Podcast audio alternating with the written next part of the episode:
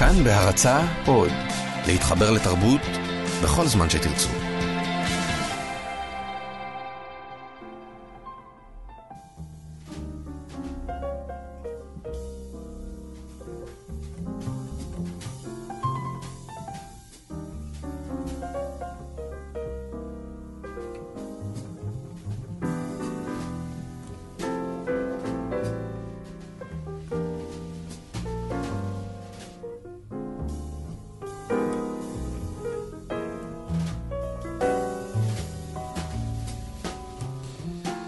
שבת שלום, ברוכים הבאים מהתבודדות, כאן עמיחי חסון ויאיר אסולין, אהלן אהלן. האמת שקצת אה, מוזר לעבור מהחדשות הבוערות האלה של הר הבית. ו... להתבודדות שלנו. כן, כאילו אתה כבר אומר המון זמן, אה, גם פה וגם אה, בדברים שאתה כותב, שאתה מרגיש שהאדמה אה, רועדת תחת הרגליים, ואני מודה שה... תמיד כשזה נוגע להר הבית, אני מרגיש ששם האדמה באמת רועדת, וכשמשהו קורה שם, ודמים נשפכים, אז uh, זה מתחיל להלחיץ. לחלוטין. לא, תשמע, כל השבוע הזה הוא שבוע של uh, רעד, ומשהו לא טוב קורה, זו האמת. כן. או, או טוב, אבל כאילו, תלוי לדעת מי, אבל התחושה היא תחושה חמוצה מאוד. אני ממש זוכר את, uh, את החגים של uh, שנת 2000. Uh, זה היה כזה ערב ראש השנה, יום כיפור, ממש ימי הדין האלה, ואז כן. התחילה האינתיפאדה הזאת באיזה בום רצחני. וגם אז יש את הוויכוח הנרטיבי, הר הבית, כן שרון עולה להר הבית, זה כן העניין, זה לא העניין, אבל יש משהו בצמד המילים האלה ש... בהר הבית. הר הבית, שמייצר פצצת אטום שמלחיצה אותי רצח. כן, כן. מקווה, נראה לי שמפה נמסור לארבעת המאזינים שלנו, שאנחנו מקווים ש... שיהיה בסדר. ש... שינהלו את הדבר הזה בחוכמה, כי באמת זה דבר שיכול לחמוק בין האצבעות כמעט בלי לשים לב ולהתגלגל. אנחנו נדבר בהמשך שלנו על הדתה ועל אה, פולקלור והשטחה. אין חומר יותר טוב מהר הבית כדי ללוש את הדברים האלה ולשחק איתם. אכן, אז באמת אנחנו נהיה פה עם איזה לא מעט דליה רביקוביץ' ועם סרג' גינסבורג ועם מאיר אריאל ועם פנחס ועם אביו מדינה. אביו מדינה, רבותיי. ואולי נספיק להגיע לליבוביץ'. אבל uh, לפני שככה נדבר טיפה על משהו שקרה כמה מטרים מהר הבית, חצי קילומטר מהר הבית אתמול בערב, ונתחיל בשיר שטיפה ישנה לנו את האווירה קצת uh, מבעיסה ממנה יצאנו מהחדשות. אז uh, סרג' גינסבורג ומשם נמשיך.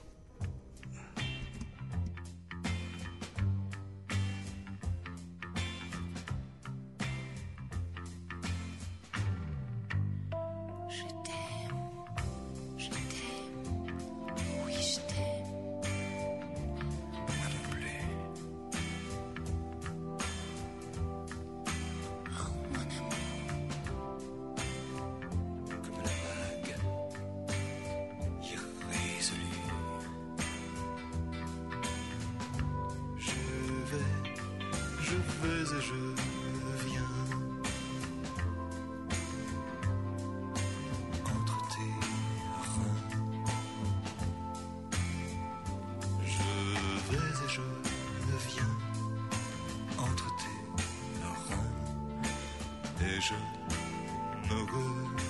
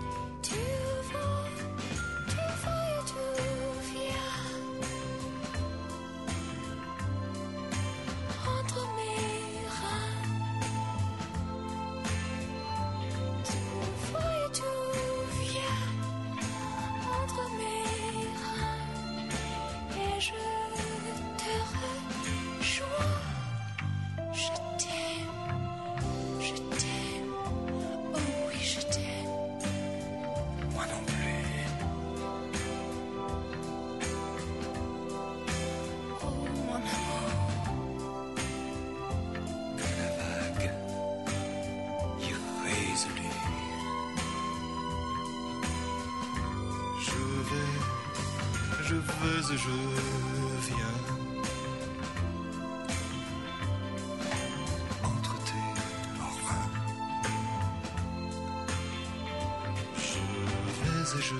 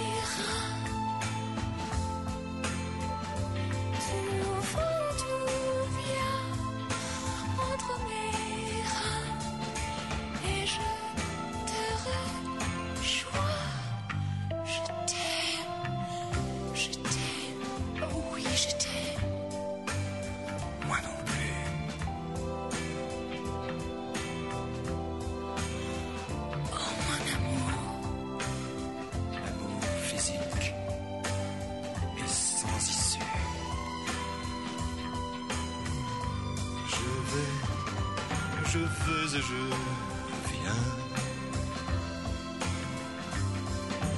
Entre tes reins. Je vais et je viens.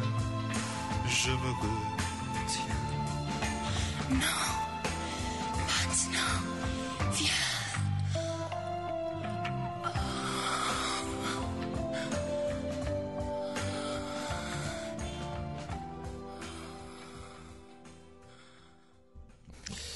מקווה שלא אתגרנו אתכם יותר מדי. עם כן. סרג' גנסבורג. ושתיים בצהריים אה, כן. בזמן שהר הבית רותח. למרות שצריך להגיד שהשיר הזה, וזה חלק מהמהלך שלו בכלל, של, אה, של סרג' גנסבורג, זה בדיוק הלאתגר. כלומר, בדיוק המקום הזה שמפרק את, ה, את המבנים האוטומטיים.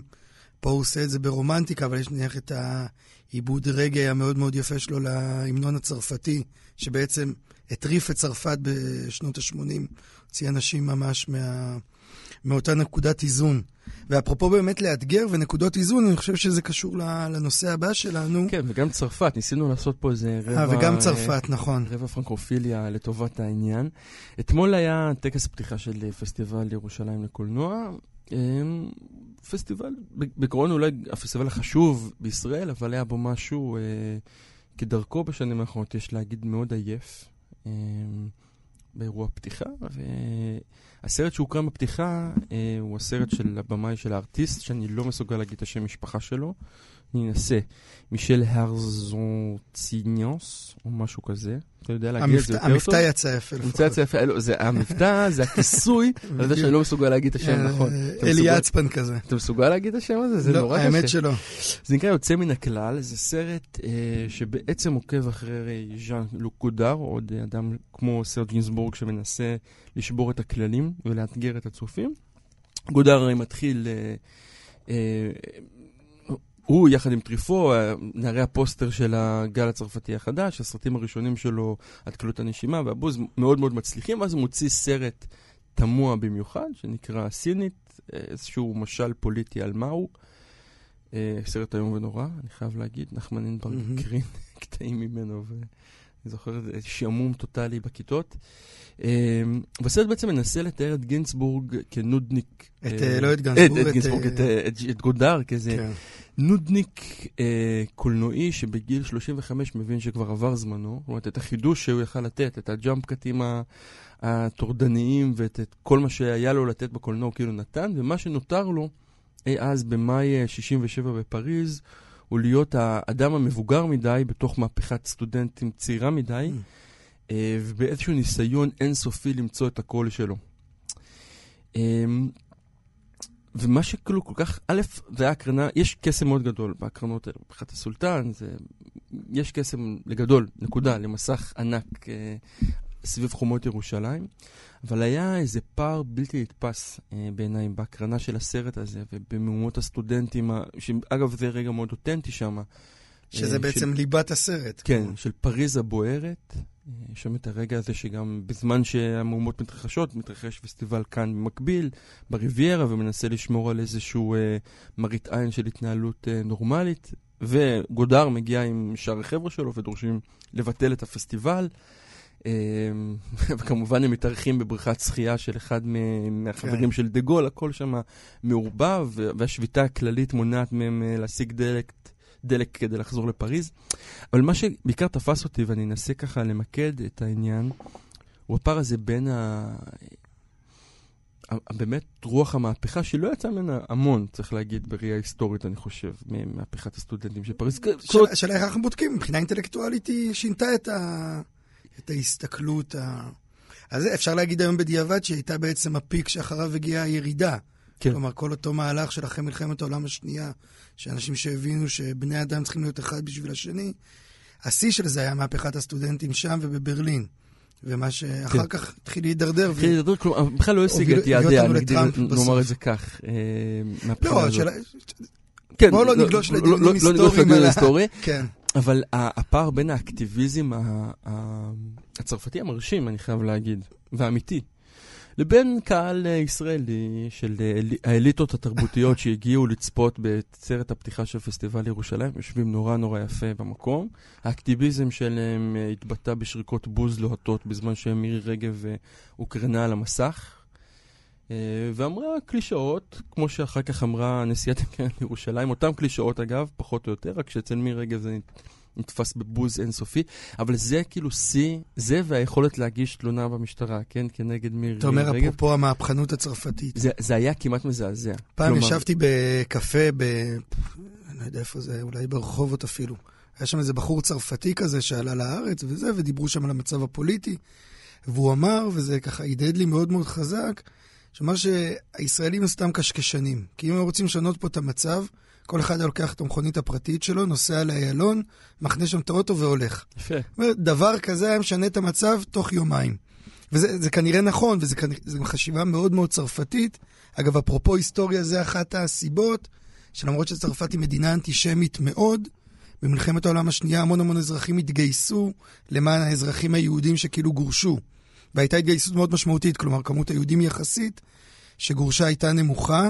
בין היתר כי צרפתי לא יכול לסבול את זה שאזרח צרפתי גורש סתם מהבית. זה לפחות האתוס. כן. וזה ההפך מהאתוס שלנו בהרבה, שהוא, שהוא באמת... בהרבה מובנים. אבל זה גם ההפך, איך, אני אמרתי לך שכבר אני ממעט, זה העבודה שלי בהרבה מובנים, אירועים כאלה בדיוק, כמו הפתיחה הזו, ואני עדיין ממעט ללכת, כי, כי אני חושב שהסיאוב אפילו, או בטח העייפות, היא כבר by definition בתוך האירועים האלה.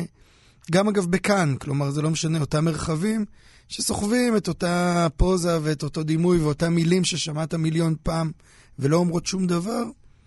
אז כן, זה... לצערי, אני- אני נאלץ להסכים, לצער, כן? לצער הלב, וזה אולי דווקא חושב הדבר הכי חזק במה שאתה אומר, גודאר מהר מאוד הפך להיות גם כזה. כן. כלומר, לגל- לגלגל את, את, השם הזה, אפילו גודאר על הלשון, זה בדיוק חלק מאותו סיאוב אוטומטי של הפסטיבלים האלה ושל אותם קשקושים שלא מקדמים הלאה. אגב, סתם בסוגריים, מעניין אותי לשאול אותך, כי אני תמיד, חושב מגיל מאוד צעיר, הייתה לי החלוקה הזו מאוד מאוד ברורה בין טולסטוי דוסטו- דוסטויבסקי ובין גודאר לטריפו. אז איפה אתה בחלוקה הזו? אני שם אצל טריפו. אה, אבל, מעולה. אה, אבל זה לא חוכמה, כן. אני חושב שכאילו גודר ספציפית, גם צריך להגיד את זה, הוא באמת, אה, מלבד אה, שתי סרטיו הראשונים, הוא קשקשן בלתי נסבל. כן, אבל אתה יודע, זה היה... אני זוכר, פעם כשהייתי שואל את השאלות האלה, רוב האנשים היו בצד של גודר. באמת? כן, אני חושב שכן. אולי לפחות נהנו להגיד את זה. אבל אצלי, אני- אני מתקשה... האישה ממול זה דבר, ש... סרט שאי אפשר כן, לקחת אותו. התקשה... פייר המשוגע, יש לו כמה יציאות, לא, לא, אבל- האישה ממול זה טריפו. אני כן. אני מדבר רגע על, כן, אה. על אה, גודר, גודר, יש, כן. לו, יש לו יציאות שהן טובות, אבל אה, אני מתקשה לשרוד סרטים שלו בלי להירדם, אני מודה, זה ממש. פקאט שעמום בדרך כלל, לצערי ולדאבוני, ואם כי שוב, מקומו בנצח מובטח, כלומר, את, את המהפכה הקטנה שהוא עשה בקולנוע, לא קטנה, את המהפכה המפוארת שהוא עשה בקולנוע הוא עשה, אבל הוא נשאר טרח זקן וממורמר, אה, והסרט גם אומר את זה בצורה מאוד מאוד מפורשת. אגב, הוא, עודנו איתנו, עד כמה שאני יודע, כן. לא? כלומר, מעניין איך הוא הגיב לסרט הזה. זה באמת דבר הדמות מעניין. שלו בעיניי שם היא מאוד מאוד נלעגת. אבל רגע לפני שנצא לשיר, כן, רק. רציתי לחדד את הנקודה שיש איזה אמ, קריאה אינסופית לרבולושן או למהפכה או לאקטיביזם מצד אה, אנשים שישבו שם, והיה בעיניי אירוני לגמרי לראות את האקטיביזם על המסך אל מול חדלות האישים הטוטאלית כן. של היושבים ביציע, וזה משהו שאני אפילו תוהה אם אנשים שמו לב אליו. אני חושב, אני, אני, אני כתבתי את זה בהרבה מקומות, אני מאוד חושב את זה שהיום יש משהו בבורגנות שהוא ה, היכולת לחיות את החיים הפשוטים הבורגנים האלה, שיש בו משהו מאוד מאוד מהפכני, אל מול הדימוי המהפכני כביכול. אנחנו נצא לשיר. A couple of years back, I come across a great and wasted friend of mine in the hallway of a recording studio. And while he was reciting some poetry to me that he'd written, I saw that he was about a step away from dying, and I couldn't help but wonder why. And uh, the lines of this song occurred to me. I'm happy to say he's no longer wasted, and he's got him a good woman. And I'd like to dedicate this to John and June, who helped show me how to beat the devil.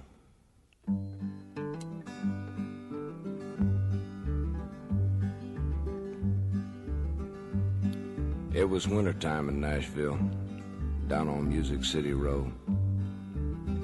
And I was looking for a place to get myself out of the cold, to warm the frozen feeling that was eating at my soul, keep the chilly wind off my guitar.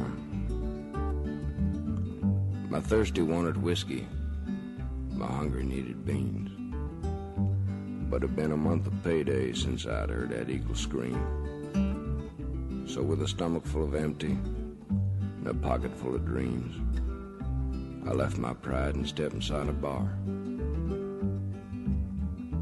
Actually, I guess you'd call it a tavern. Cigarette smoke to the ceiling and sawdust on the floor.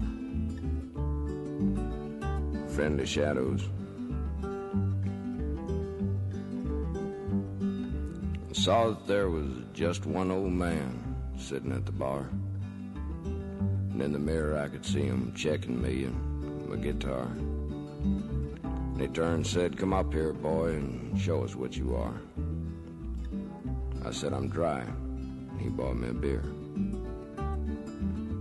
He nodded at my guitar and said, It's a tough life, ain't it? I just looked at him. He said, You ain't making any money, are you? I said, You've been reading my mail. He just smiled and said, Let me see that guitar. I got something you ought to hear. Then he laid it on me.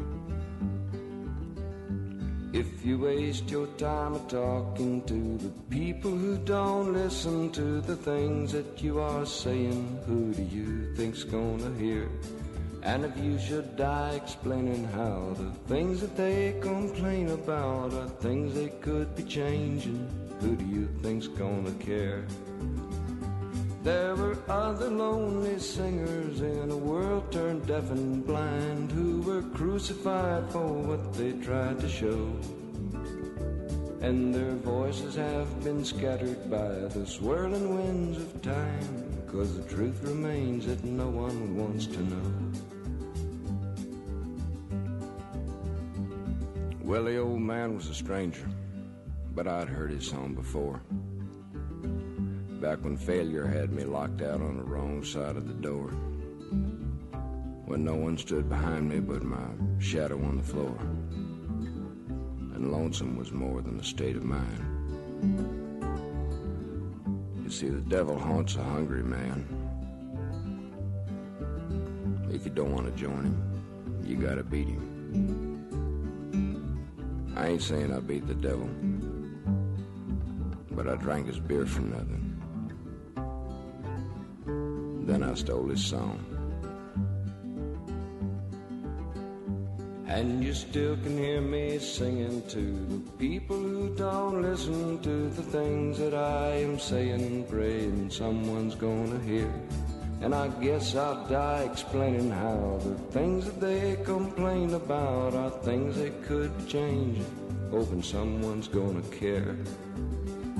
I was born a lonely singer, and I'm bound to die the same. But I've gotta feed the hunger in my soul. And if I never have a nickel, I won't ever die ashamed. Cause I don't believe that no one wants to know.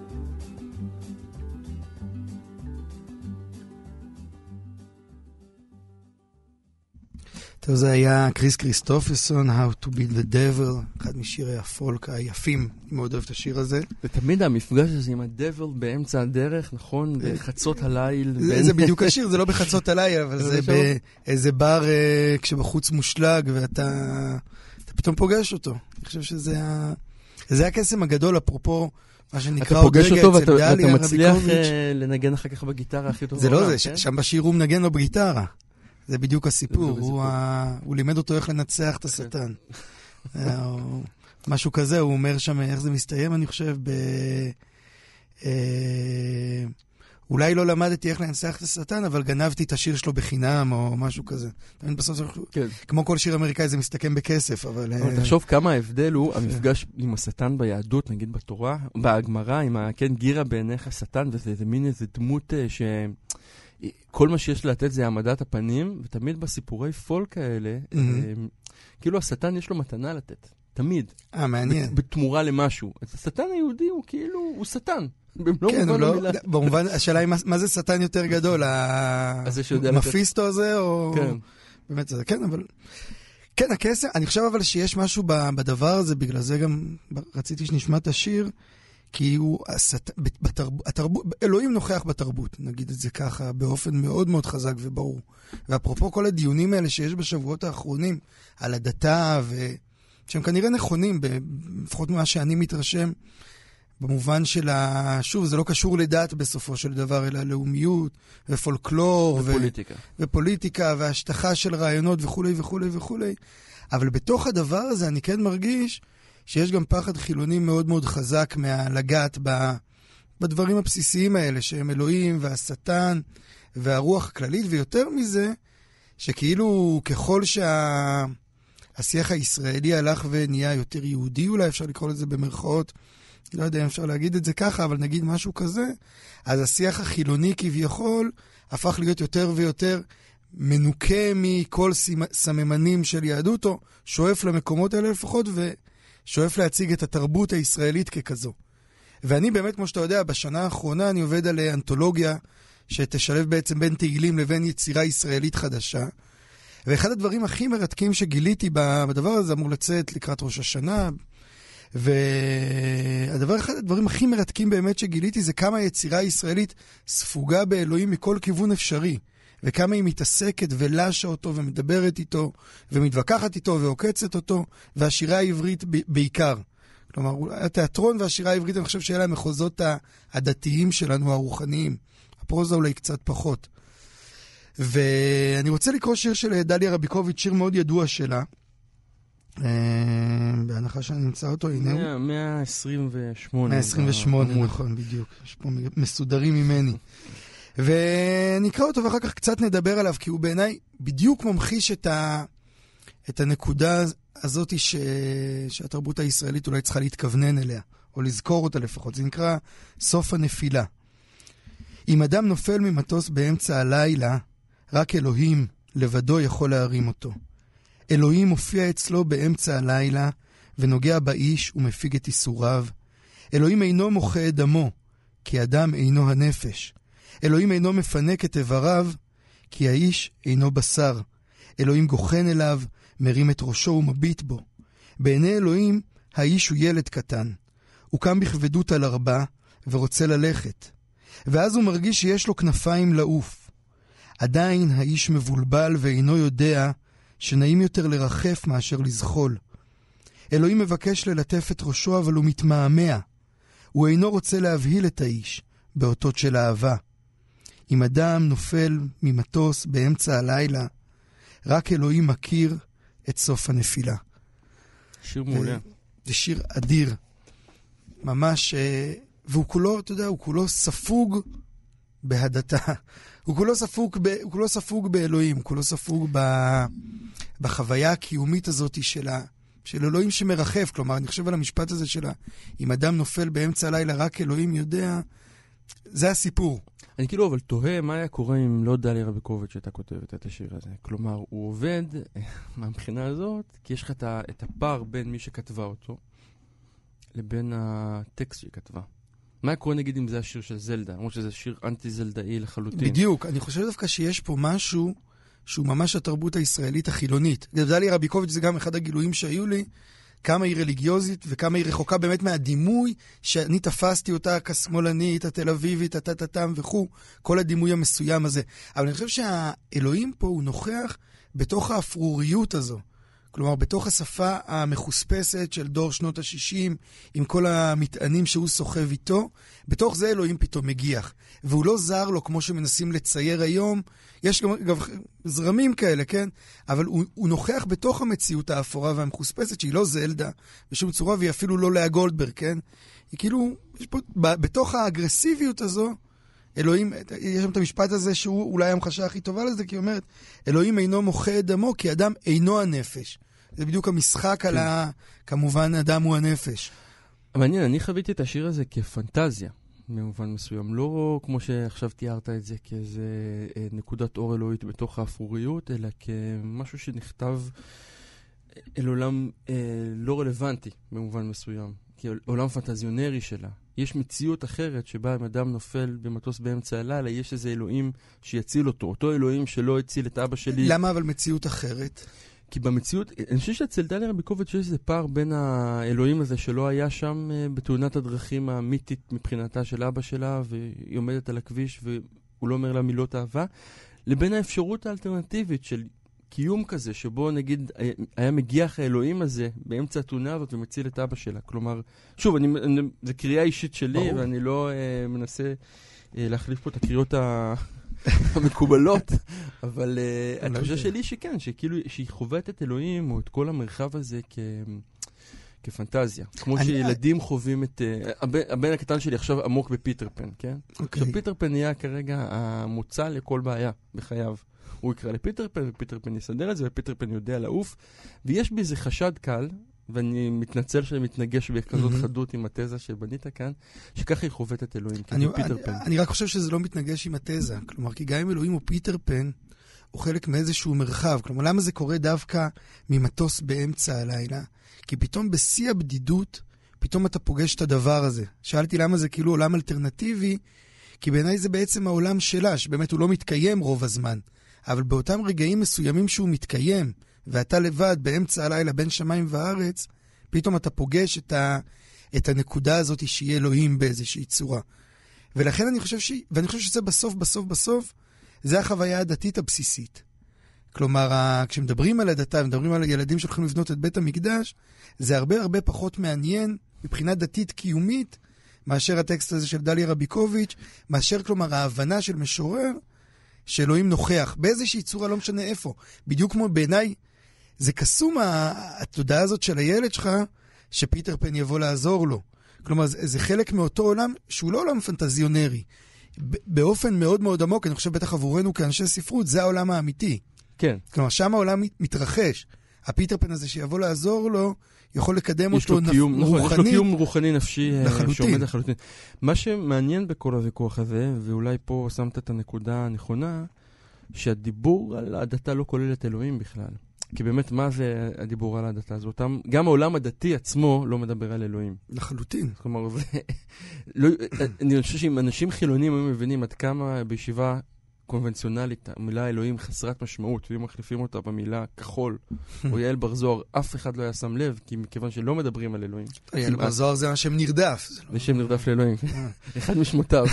אבל אה, זאת אומרת, זה לא, הוא ממילא לא נוכח בעולם הדתי כמעט. אה, וההצעה שלך במובן הזאת היא מעניינת, כי היא אומרת... אני אומר, כמה שהוא, זה יותר מזה, כי כמה שהוא לא נוכח בעולם הדתי, ככה הוא נוכח בעולם התרבותי בעולם החילוני. התרבותי החילוני, ואתה מציע פה בעיניי הצרחה כזאת. כלומר, בואו נרוקן את ההדתה מה- הצרחה זה יפה. מהעסק הזה ונשאיר אותו עם אלוהים באמצע הלילה, או לא באמצע הלילה. לשני הצדדים נראה לי, בואו בוא באמת נישאר עם אלוהים ועם החוויה הזאת שהוא הוא, הוא עוטף אותנו בכל מיני צורות, כל אחד ייקח את הצורה שלו, אבל המשחק הפוליטי הוא בטח לא חלק ממנו, וההשטחה הפוליטית. הפוליטית, והרצון לגזור קופון מכל כיוון, מכל צד. זה בעיקר. מה שמעייף כרגע ב- במרחב הזה, ובמיוחד בעולם של הרשתות החברתיות, שזה פשוט אה, התגובות האוטומטיות הצפויות והמשעממות ביותר בעיניי. לא, זה חלק מה... אתה יודע, כאילו נהיה הדבר הזה, שזה תמיד מדהים, כי זה באמת, ההיסטוריה חוזרת במובן הזה. ככל שאנשים שואפים לעולם כאילו יותר מדעי, יותר מחולק לקטגוריות, ככה הם הופכים להיות יותר חשוכים ופרימיטיביים ואוטומטיים בתגובות שלהם. אני חושב שחלק מה... אפרופו דיברנו על מהפכנות מקודם, והבורגנות במובן הזה, חלק מבורגנות טובה הרי זה ליצור את הערבובים האלה. שאתה אדם שהוא גם כזה וגם כזה, והוא קצת פה והוא קצת שם, והוא לא עד הסוף מגדיר את עצמו. והדבר הזה, היום הוא בעיניי מאוד מאוד חסר ומאוד חשוב. כלומר, זה חלק, מה, אני חושב, מהסיבה שהבאתי את הדליה רביקוביץ' הזה. כלומר, לבוא ולהגיד, דליה רביקוביץ', אפשר לשים אותה בכל צד שרוצים, ודווקא אותה. הג'וקר. אנחנו עוד אה, נחזור לדליה אחרי השיר. תקופת המתכת, עידן הברזל, מזכיר לי חיה מחזון דניאל. חיית המתכת, חיית הברזל, כל כך דומה שאני מתבהל.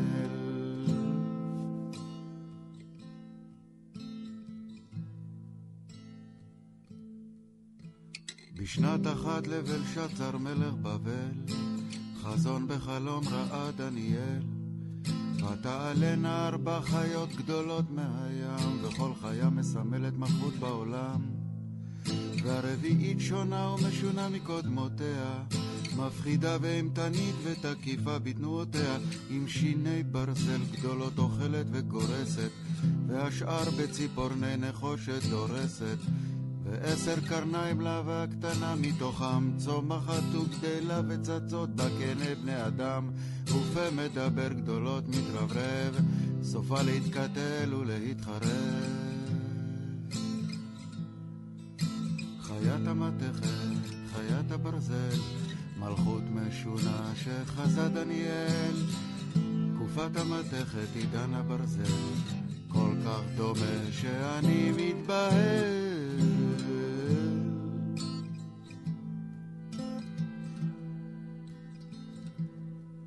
כל המגדלים המשוננים האלה הנוגסים בתכלת, כל השפיצים האלה בגרפים. ברזל כתנין, מתכת כפרת, ברזל כציפור, מתכת ג'ירפה. ברזל מצופה, מתכת ערמומית, מוזרמת אלקטרוניקה, מוזרקת נתונים. פרצוף של שפחה לא עושה עניינים, עם הרשת הכי גדולה של סוכנים כפולים, כל המחשבים האלה, המרדימים האלה, העוקרים האלה, את אצבעותינו מעולמנו.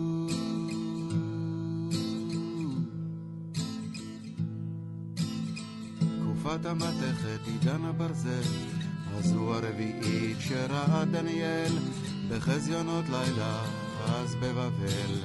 האם זה עכשיו שוב מתגלגל?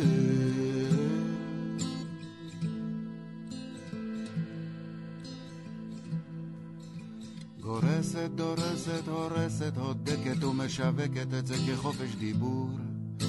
מוצצת ויורקת, משתמשת וזורקת עצם לתחקירני זכות הציבור. קרניים שולטות רחוק עיניים בכל מקום, פה לא מפסיק ללהק. אומר מה לרצות, מה לחשוב, מה להיות, מה לעשות ואיך להתנהג.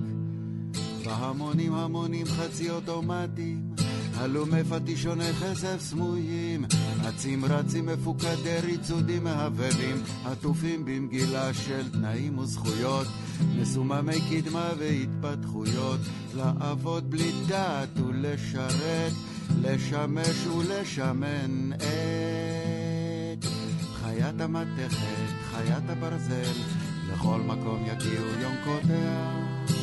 שלטון המתכת, מלכות הברזל, בני אדם טיפות של דם וקשקשיה.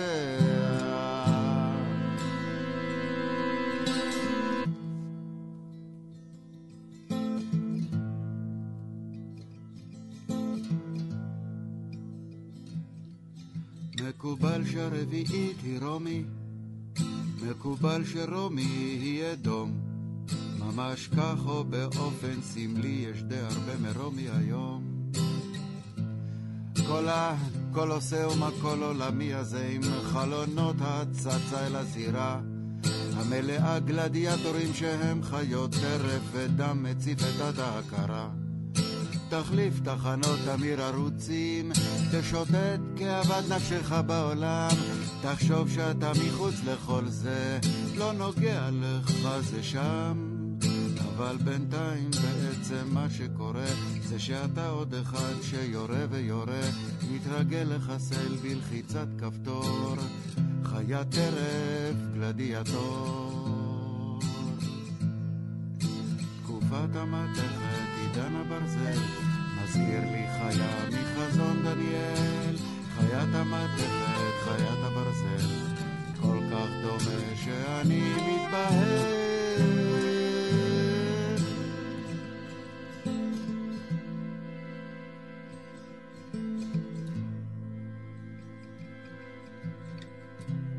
חזה אבד בדין, מן קל מילה ירברבתה, די קרנה ממללה. חזה עדי קטילת חבטה, ואהובת גשמה, והיא בת לי כדת אשה. הפקריית רוחי, אנא דניאל, וחסדי ראשי.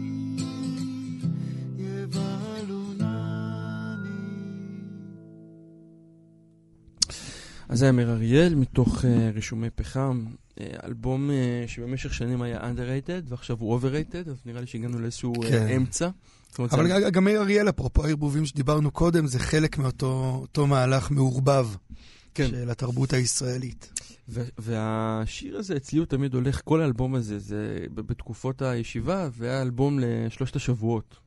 מוזיקה שמחה אי אפשר לשמוע, אבל מוזיקה שמתעסקת בחורבן ובערבלות מותר, ויש בה, זה באמת אה, אלבום אה, מאוד כבד. מאוד כבד. מדהים כאילו אפילו עד כמה הוא כבד. כלומר, הוא אלבום שלא רוצה לעשות לך נעים, אה, ובצד שני לא מוותר לך כמאזין. והשיר- למרות שהמדהים זה, וזה תמיד הפער בין איך שאנחנו חווים יצירות לבין כנראה מי שעשה אותם, מהמם. שכשאתה קורא את הביוגרפיה שיצאה לא מזמן של אה, קלדרון. קלדרון על אה, מאיר אריאל, אתה מבין שמאיר אריאל לא תפס את האלבום הזה ככזה. כן. כלומר, הוא ממש ציפה ש...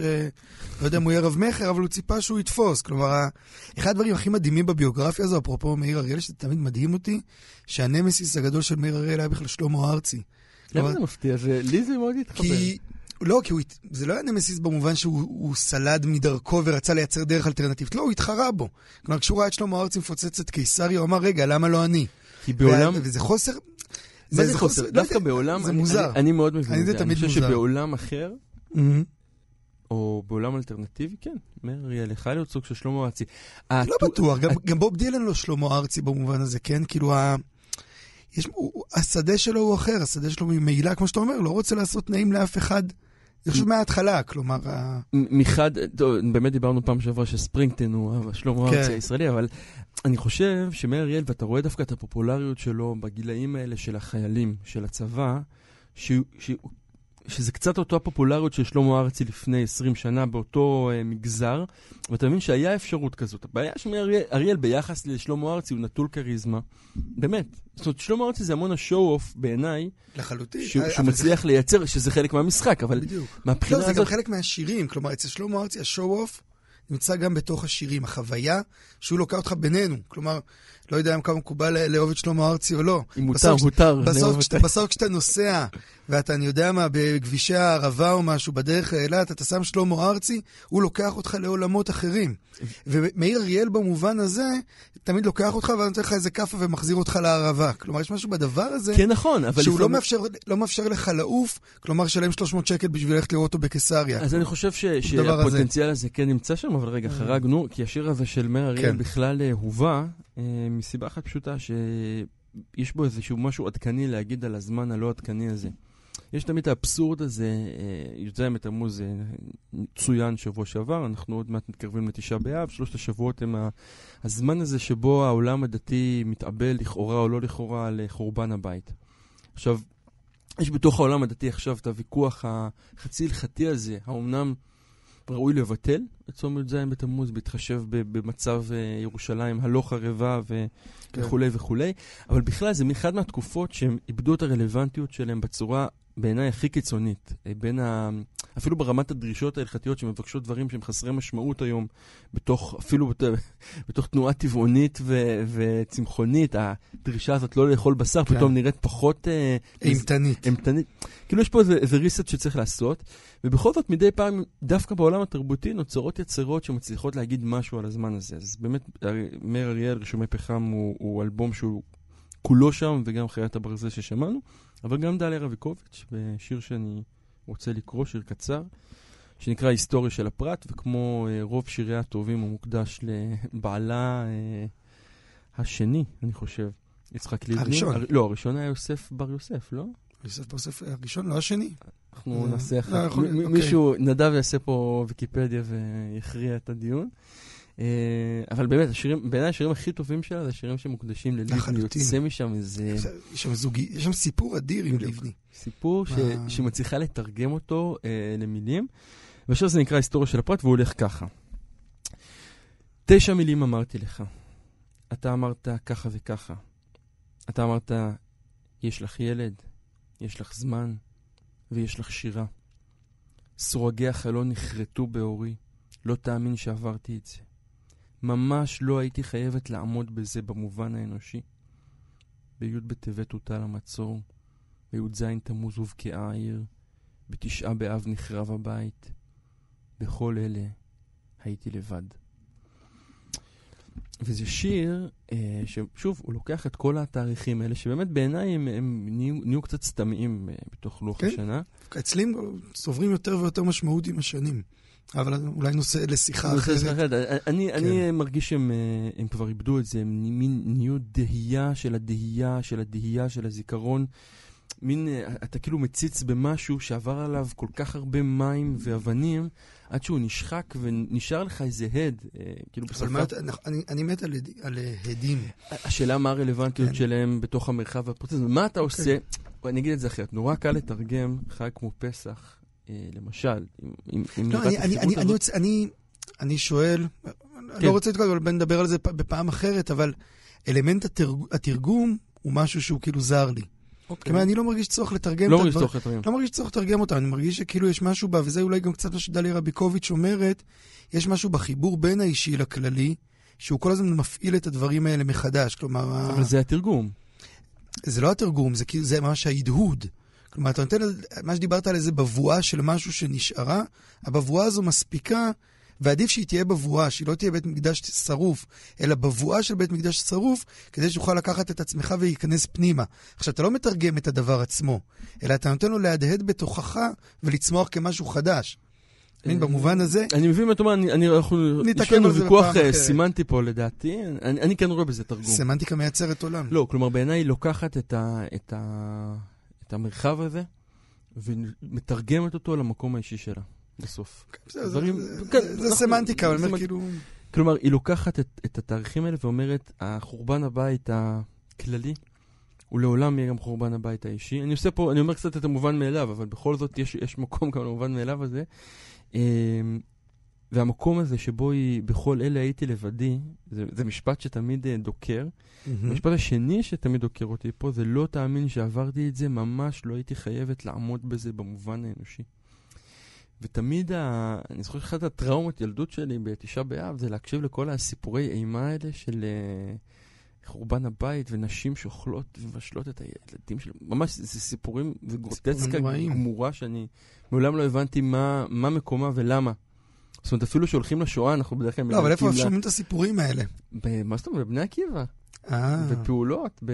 בבני עקיבא אחד הדברים הכי מדהימים, נדבר על זה אולי לפני תשעה באב, יותר קרוב, זה הקטע הזה שלא אומרים שלום הרי. כן. ואז מביאים נגיד מישהו לשיחה, אז הוא מדבר, מדבר, מדבר, ואז הוא הולך. כי כאילו אסור לו. להגיד לך ביי. משהו, אחד- זה, זה מערך סיטואציה, החוקים המדהים. כן, זה. זה דבר מדהים, אני ממש זוכר שפעם ישבנו, פשוט הבן אדם דיבר, דיבר, דיבר, הלך. ונעלם כאילו באופק, זה היה כזה משהו כזה.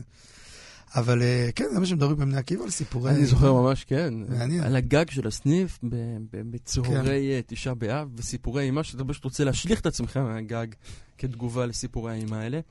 אבל אני חושב שכאילו בסוף זה תמיד פרטי. כלומר, גם כשאתה... סיפור הוא תמיד פרטי, כלומר, זה ה... דיברנו, פתחנו את התוכנית שלנו בהשטחה וכל הדבר הזה, זה בדיוק הכשל. כשמנסים לקחת את הסיפורים האלה, להפוך אותם למשהו כללי, מאבדים את העניין. זה תמיד סיפורים פרטיים, נקודות, אבנים קטנות כאלה, באיזשהו פסיפס כזה שמתחבר למשהו, שמייצר את אותה חוויה. וזה גם אפרופו, אגב, עניין התרגום, אני חושב. אני מסכים איתך, הבעיה שהמרחב הדתי פה היום אה, מאוד מתקשה. לגמרי. לעשות את הלינק הזה לפרטי. כדי שנספיק את פינת הג'אז השבועית, אנחנו נצא עכשיו לאביו מדינה, ואחריו, בשאריות זה- הזמן, כן, אנחנו נחזור להרצאה המתמשכת פה. אז לגמרי. אה, רעיה, שיר גדול. שיר באמת גדול.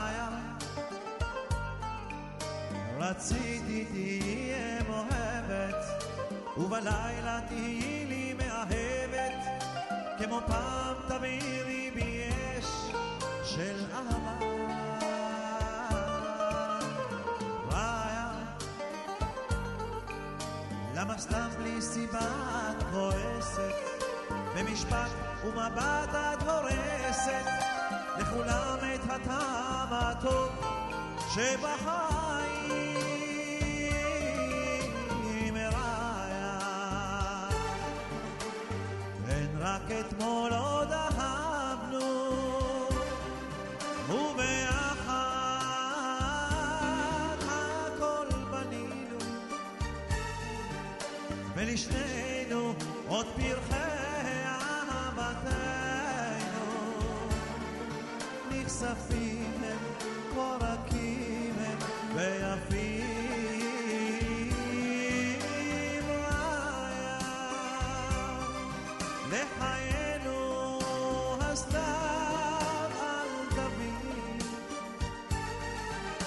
והשכימי בחיוך ולי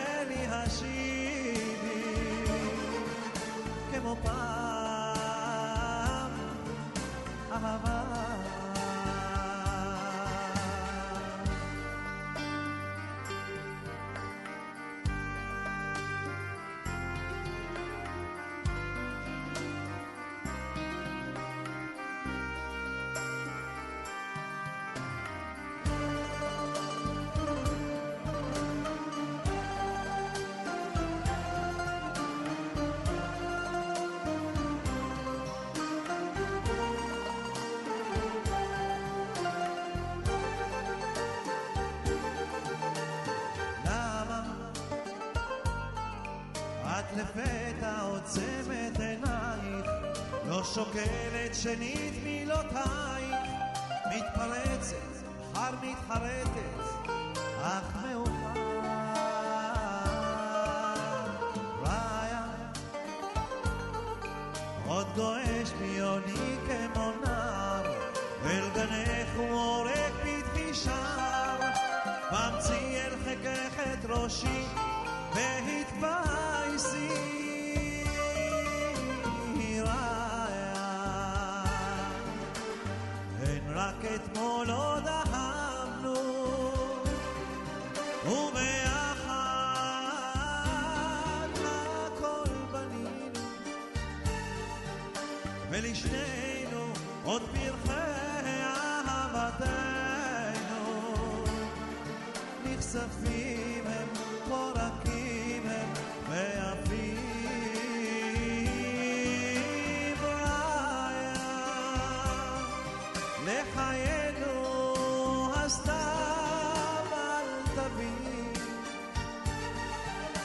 והשכימי בחיוך השיבי כמו פעם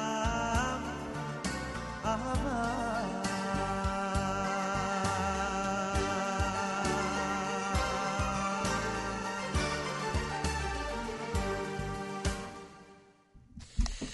איזה שיר. טוב, רצינו לגעת גם בפרשת השבוע, ולא נגיע אליה, רק נגיד שהיא מהמטורפות שבפרשות השבוע, אה, וגם פרשה אה, שלפחות אה, עיצבה את כל מה שנקרא הגות מהשילוח של איש בצבע, ואני רציתי לקרוא ממנה, אבל אנחנו כנראה נדחה את זה לשנה כן. הבאה. כנראה לשנה הבאה. אה, אלא אם כן יפציע איזה פנחס בחיינו. ו... או אליהו כזה. או אליהו כזה ויעשה משהו. במשפט רק נגיד שהוא אה, לוקח את הדטרמיניזם הדתי עד קצה קצהו בפרשה הזאת. ו... מה זאת אומרת? רגע, תגיד על זה עוד- עוד משפט. הוא מנסה, אני, אתה יודע, אני אקרא ונוותר על פינת הג'אז שלך, יאיר, מה אתה לא, אומר? חס וחלילה, חס למה? יש. לנו עוד יש איזה... לנו עוד אה, שלוש דקות, אבל אני אקרא. דקה. לא יודע אם שלוש. אני אקרא קטע קטן. מהשילוח על פרשת פנחס. אה, הוא מנסה להבין איך יכול להיות שזמרי עשה דבר כזה, כן? כי זמרי הוא נתפס בעיניו כאדם אה, ראוי. בכל המדרגות שניטל מהאדם כוח בחירתו, ואי אפשר לו להימלט מעבירה עד שהמדרגה, היינו מה שמרחיק עצמו מן העץ הרע ושומר עליה מן העבירה בכל כוחו עד שאין ביכולתו לשמור יותר מזה, ואז שנתגבר עליו ועושה מעשה, הוא ברחמי רצון השם יתברך. וכעניין יהודה ותמר, שאת הבת זוגו ממש, וזה העניין גם כאן. כי זמרי היה באמת שומר עצמו מכל התאוות הרעות, ועתה עלתה בדעתו שהיא בת זוגו, כלומר אותה מדיינית. מאחר שאין בכוחו לסלק את עצמו מזה המעשה, ופנחס אמר להפך, שעדיין יש בו כוח לסלק את עצמו מזה. ונמצא שפנחס היה במעשה הזה כנער, היינו שלא היה יודע עמקות הדבר, רק על פי עיני שכלו האנושי ולא יותר. ואף על פי כן השם יתברך אוהבו והסכים עמו, כי לפי שכלו אתה עשה דבר גדול בנקמתו ומסר את נפשו. אה, אני רק אגיד פה איזה הערת שוליים שהנכד של מאה שילוח כותב פה בסוף, והיא נורא יפה. הוא כותב ככה, הוא מנסה להסביר את המאמר הרדיקלי של סבא שלו. הלכנו על הג'אז, אה? כן. מחקנו את הג'אז. והוא אומר, כי כל מעשה ראשונים וגם הנזכר בתורה אינו לבד כפשוטן ואינו בדרך מקרה או הזדמן חס ושלום. ולא באתי לבאר כל הפסוקים הצורכים לדוח זה, כי לא יכול אני, כי התורה איננה סיפורי נשים ופטפוטי עופות, ודי בזה למבין, כי דברים אלה דברי כבשונו של אגב, עולם. זה, זה הדבר המדהים, זה אולי ככה נצא לג'אז שלנו, שאריך אורבך, חוקר הספרות הגדול, אומר את אותו דבר בדיוק. כלומר, שהתורה כטקסט זה משהו שמכוון לאמיתות ולא לפטפוטים ול... לגמרי, ולסיפורים. אבל רק תן הקדמה קטנה על הג'אז. מונק וקולטריין, אחת היצירות המפורסמות, היפות, פשוט לק- לקחת ולהקשיב ממש ג'אז לשבת. ותודה לנדב אלפרין שערך אותנו ולאלכס גורליק שהיה פה על הצוות הטכני. שתהיה שבת שלום. שבת שלום.